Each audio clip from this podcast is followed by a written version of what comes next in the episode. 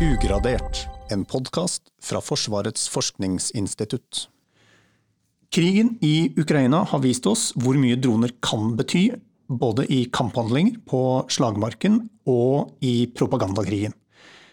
Så er jo da spørsmålet hvordan kan det norske forsvaret bruke droner? Hva er det egentlig mulig å få til, både på kort sikt og 10-20 år fram i tid? Jeg heter Espen Hofoss, og i denne episoden av Ugradert har jeg fått med meg forsker Mathias Minos Stensrud. Velkommen til deg. Takk. Mathias, du jobber med droner, og da, da, snakker vi ikke bare om å fly og bruke én drone. Du jobber med hvordan hele svermer med droner kan fungere og komme til nytte i Forsvaret. Hva er det dere forsøker å få denne svermen til å gjøre? Nei, målet vårt er jo at én eh, operatør eh, skal kunne kontrollere flere farkoster samtidig. Og For å få det til, så må man løse et par problemer. Bl.a. at én operatør må kunne kontrollere mange farkoster på en gang. Og Da må man utvikle mm, en, en form for høynivåkontroll av systemet, sånn at en operatør ikke trenger å fokusere på detaljer rundt hver eneste drone, men man kan si eh, avsøk dette området, eller sånne ting. Og så må du løse det andre problemet, eh, og faktisk eh, konsumere informasjonen fra alle de dronene du flyr. Nemlig. For å ta det helt først, hva, er det dere tenker at Forsvaret kan bruke en sånn dronesverm til? Forsvaret flyr jo mange droner i dag allerede, eh, men ofte så trenger man jo da to, tre, fire personer per drone som man flyr. Og det er en ressurskrevende eh, oppgave. Og jo flere droner man flyr, jo bedre, i prinsippet. Så hvis man har mulighet til å gjøre dronene mer autonome, så kan man også fly flere, flere droner på en gang. Mm. Men hva er det den dronesvermen driver med der ute, da? Vår dronesverm er primært laget for eh, rekognosering. Dvs. Si at du prøver å finne ut hva som skjer på bakken. Hvordan finner du ut det, da? Nei, Det er eh, ved hjelp av eh, kameraprosessering. Kamera. Stort, stort sett kameraer, eller er det andre sensorer på den også? Stort sett kameraer. Stort sett termisk kameraer, fordi vi flyr ofte på natta. Og, og, det har jo disse dronene som Forsvaret flyr allerede. Så det er ikke noe nytt. Men eh, vårt mål er jo å gjøre dette mer automatisk. Da. Altså mer autonomt. At dronene istedenfor å sende hver videofeed tilbake til operatøren, så sender vi kanskje bare en varsel om at noe, noe foregår i bildet, eller at nå er det oppdaget en bil, eller sånne ting. Nemlig. Svermer for overvåkning. Og så må vi jo gå litt ned, siden vi er et teknologiinstitutt, vi må, vi må nerde litt og snakke litt om hva slags eh, teknologi som ligger, bra, ligger bak. Altså hvordan jobber dere for å utvikle en sånn sverm? Og da har jeg skjønt at du jobber jo spesielt med Eh, prosessering. Altså det, og da, nå må du rette opp meg hvis jeg sier noe feil, men det er jo metoden da dette systemet, når den får inn kamerabilder, eh, hvordan den klarer å behandle de bildene for å ta beslutninger. Stemmer det? Ja, ja. det stemmer. Hvordan, hvordan, jobber dere for å utvikle sånt system? Det er en, eh, en god porsjon ingeniør- og utviklingsarbeid, og så er det en god porsjon forskning. Så det er en Vi bruker både det vi kaller for på en måte tradisjonelle maskinsynmetoder. Eh, og så bruker vi også metoder for dyp læring og maskinlæring og sånne ting. Ok, Maskinsyn, hva er det? Maskinsyn det er jo algoritmer som tolker et, eh, et kamerabilde for deg, mm. i prinsippet. For eksempel, altså er det sånn at når, når, Google eh, på telefonen min klarer å kjenne igjen bilder av den samme personen i hele min database, så er det også bildesyn? Fordi For, den kjenner igjen ansiktsformer? Nettopp. Så når du søker på noe på Google, en bil, så har den alle bildene den har sett, eh, kanskje. Også en abstrakt representasjon av alle disse bildene.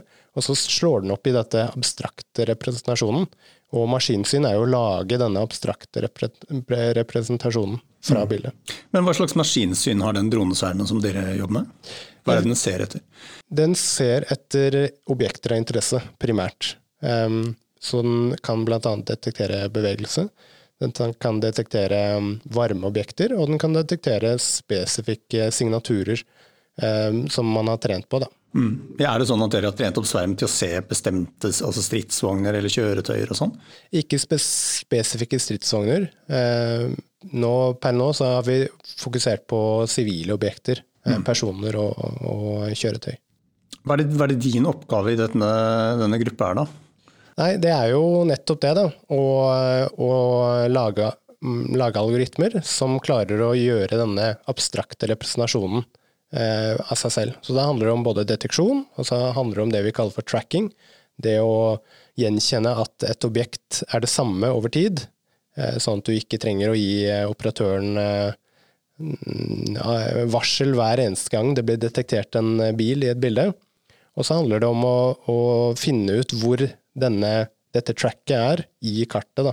Sånn at når du sier fra til operatør, så kan du si akkurat her er det et objekt.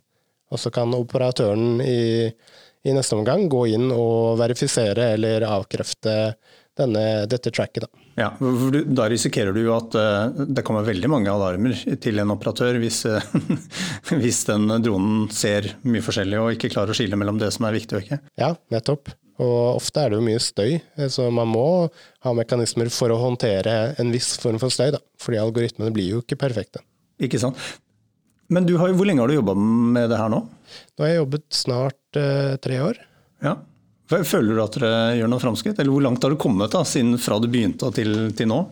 Nei, Gruppa mi har jo jobbet med droner og, og, eh, flere droner som flyr sammen og kommuniserer sammen eh, i lengre tid. Så vi har jo kommet ganske langt, syns jeg. Men det er, eh, det er, vanskelig å lage svermer som eh, du, du må høyt opp på ingeniørskalaen for at dette skal være brukbart i praksis også. Så det jobber vi også litt med. At man kan ta med dette systemet og faktisk teste det i militære eh, operasjoner. For det er veldig viktig eh, for å utvikle fornuftige algoritmer og fornuftig funksjonalitet, at man faktisk får lov til å teste det i, eh, i praktiske øvelser. Mm. Den gjengen du jobber med, altså hvor kom, hva slags fagutdanning og, og, bakgrunn er det dere har? Vi har en ganske bred og variert uh, utdanning. Jeg for min del har jo bakgrunn i robotikk og kybernetikk. Og så er det en som er uh, teoretisk atomfysiker. Og så har vi en som er, som er ingeniør, og som har mer den praktiske bakgrunnen, og også bakgrunn fra Forsvaret. Vi skal komme litt tilbake til den svermen dere jobber med. Men i, i Forsvaret i dag så, så, bruker du jo droner allerede. Men, men ikke en sånn dronesverm som du jobber med. Hva, hva, slags droner er det Forsvaret har? Per nå så har de både det vi kaller for uh, quadcopters, altså fire propeller på mm. en drone, og de har uh, fiksvinger, ting som, som, egentlig er små fly. da.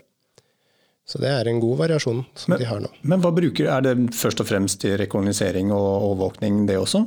Ja, rekognosering og det vi kaller for ildledning. Da. Ildledning, det må du forklare. Eh, ildledning det betyr at eh, du eh, følger med på hvor f.eks. artilleri skyter, og så gir du korreksjoner til artilleriet basert på hvor du vil at de skal skyte neste runde. Ikke sant. Men, men som vi, vi, har jo sett det litt i Ukraina også, at det brukes droner på mange forskjellige måter. Men hvis du skal tegne opp et sånn framtidsscenario, eh, siden du jobber med denne teknologien. Altså, hva er det mulig å få til om 10-20 år? Eh, hva er det man kan få til med droner? Jeg tror vi kommer til å se mer og mer droner som er robuste for f.eks. GPS-jamming, og som har en viss form for autonomitet om bord. Eh, det betyr at eh, dronene kanskje i større grad gjør oppdrag på egen hånd, for så å gi tilbakemelding til operatør. Ehm, så tror jeg vi kommer til å se flere og flere droner. Altså enda mer enn vi, vi ser i dag. Og vi kommer nok også til å se um, samarbeid mellom droner, tror jeg. da. Mm. Og så finnes det jo sånne science fiction-filmer med alle mulige slags scenarioer hvor uh, det er nesten litt sånn marerittaktig, hvor det kommer inn en sverm med små droner som kjenner igjen ansikter og plukker ut mål og skyter. Altså, hvor, hvor, langt unna er det? Er det noen som jobber med sånne ting? Um, Jeg, jeg, tror jo det er langt unna.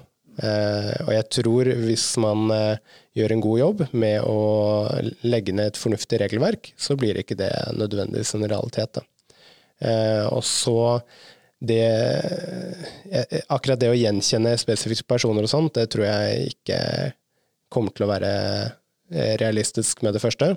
Men vi vil nok komme til å se, og det ser vi allerede i dag, altså droner, og flere droner, og kanskje også svermer, som blir brukt i offensive operasjoner. Da. Så vi har jo lagt vi har f.eks. sett disse Shahid-dronene i Ukraina. Og de blir jo brukt Det er jo ikke like skremmende som det film science fiction-scenarioet du plukket opp, men det er ganske skremmende likevel. Mm. For der har du billige eh, droner som flyr helt eh, det vi kaller for autonomt, eller automatisk, uten radiolink tilbake til operatør, og som har med seg store mengder med sprengstoff. Og de er, såpass billige at de kan man fly veldig mange av samtidig. Da. Sende mange mot eh, et mål. Ja, og Da er det bare sånn at de får beskjed om å fly dit og krasje? Ja. det er... Uh... Når du sier relativt billig, hvor, hvor, mye snakker vi om da? Nei, det er jo Der kan jeg bare støtte meg på åpne kilder, men rundt 200 000 er det jeg har fått inntrykk av. Ja, Og, og i, i våpensammenheng så er det, det er billig? Det er relativt billig. Ja, Men, og Da kommer vi jo litt inn på, på, noe av det som gjør at droner er litt skummelt. fordi de, altså de er jo vanskelig både å oppdage og stoppe. Eh, men hva slags virkemidler har vi egentlig for å stoppe f.eks. sånne droner som du, du, snakker om der? Nei, vi har jo luftvern. Men eh, et, en utfordring med det er jo at ofte er missilene og luftvernet eh, flere ganger dyrere enn f.eks. de aller billigste offensive kamikaze-dronene som vi har sett nå. Mm. Men hva slags andre alternativer har man da? Nei, for, for, eksempel, for, eksempel, så er det jo en utfordring med sivile droner eh, på flyplasser og på oljeplattformer. Det har vi fått med oss. Um, og en måte å, å, ta mindre droner på, det er jo eh, å krasje med en annen drone, f.eks. Det er jo ting vi også jobber med, med en såkalt interceptor-drone. da en avskjæringsdrone. Ja, for det, for det, hadde vi jo eh, en sånn egen demonstrasjon på nå i, med Rena i høst. Altså, kan, kan, du bare forklare kort, altså, hvordan har de gutta jobba, hva er det de har fått til? Jo, um, så det, dette er jo da en uh, drone som egentlig er ganske lik den uh, flamingoen som vi også utvikler, som, som, er en del av den dronesvermen vår. Uh, der innmaten er den samme, men det er lagt på en raskere plattform som også har et, eh, et, kamera som spesifikt brukes for å guide dronen inn på, eh, på, den andre dronen. Så det første som skjer, er at eh, det er en radar som detekterer eh, droner som er trusler, og som guider da dronen et stykke på veien. Og når dronen eh, som skal krasje i den trusseldronen, kommer nærme nok, så vil den begynne å detektere det den dronen skal krasje med, med sitt eget kamera.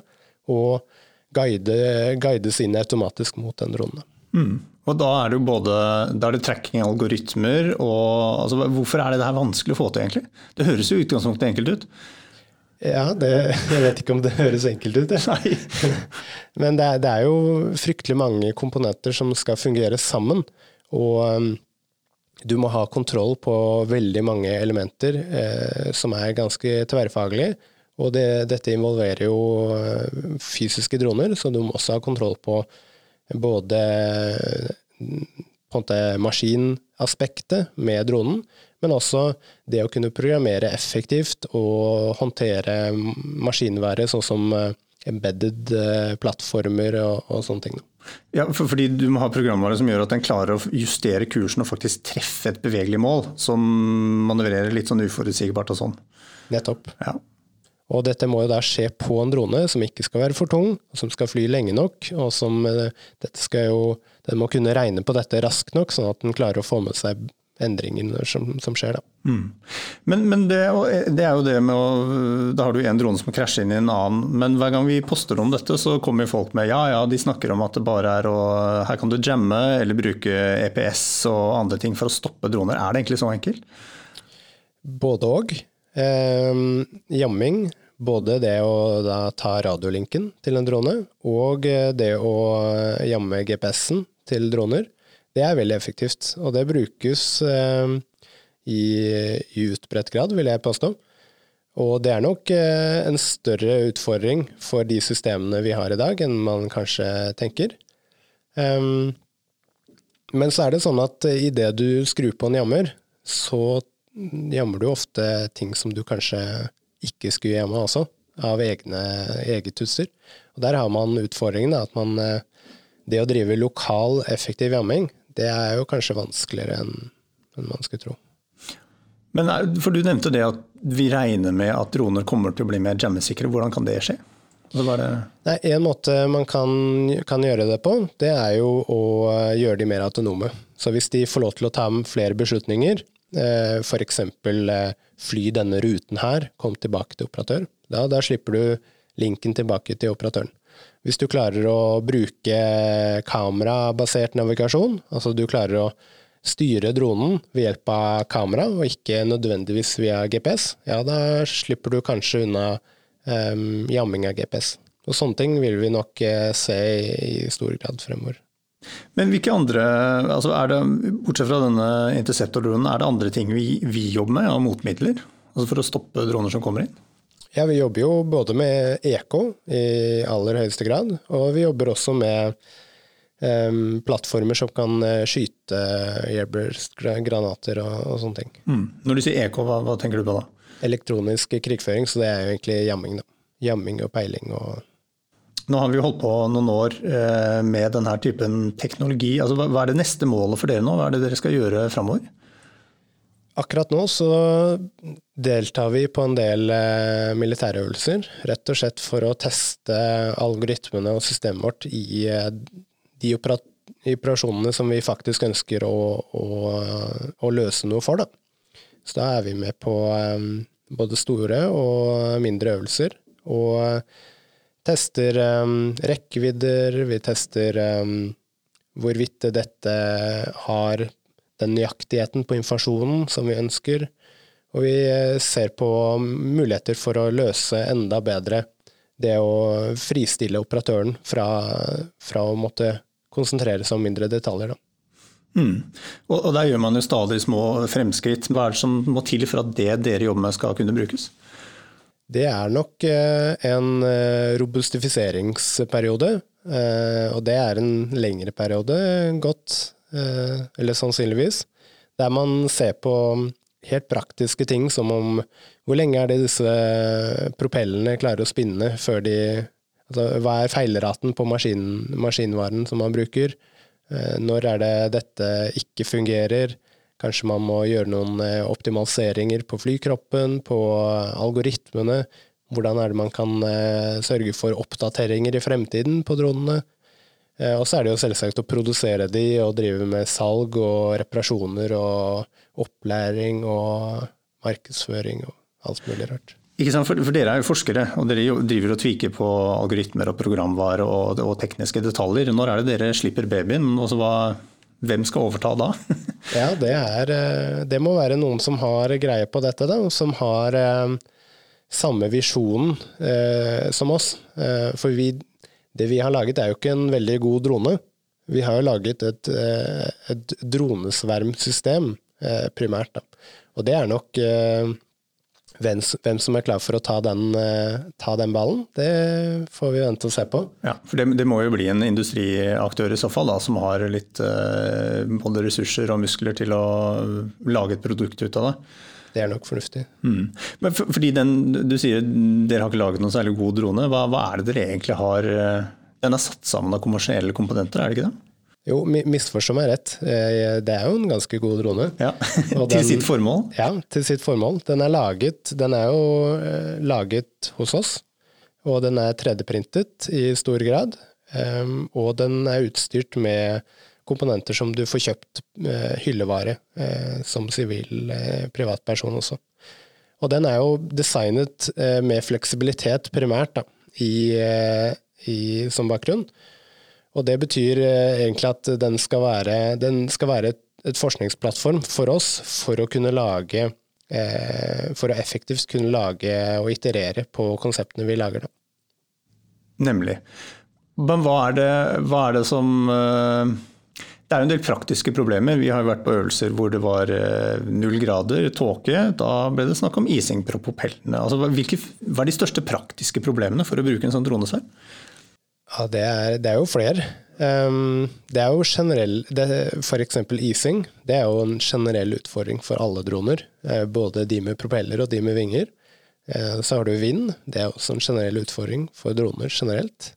Um, klarer du å fly i 20 meter, i sekundet fremover, og det er 20 meter i sekundet i vind, så betyr det jo at du står stille.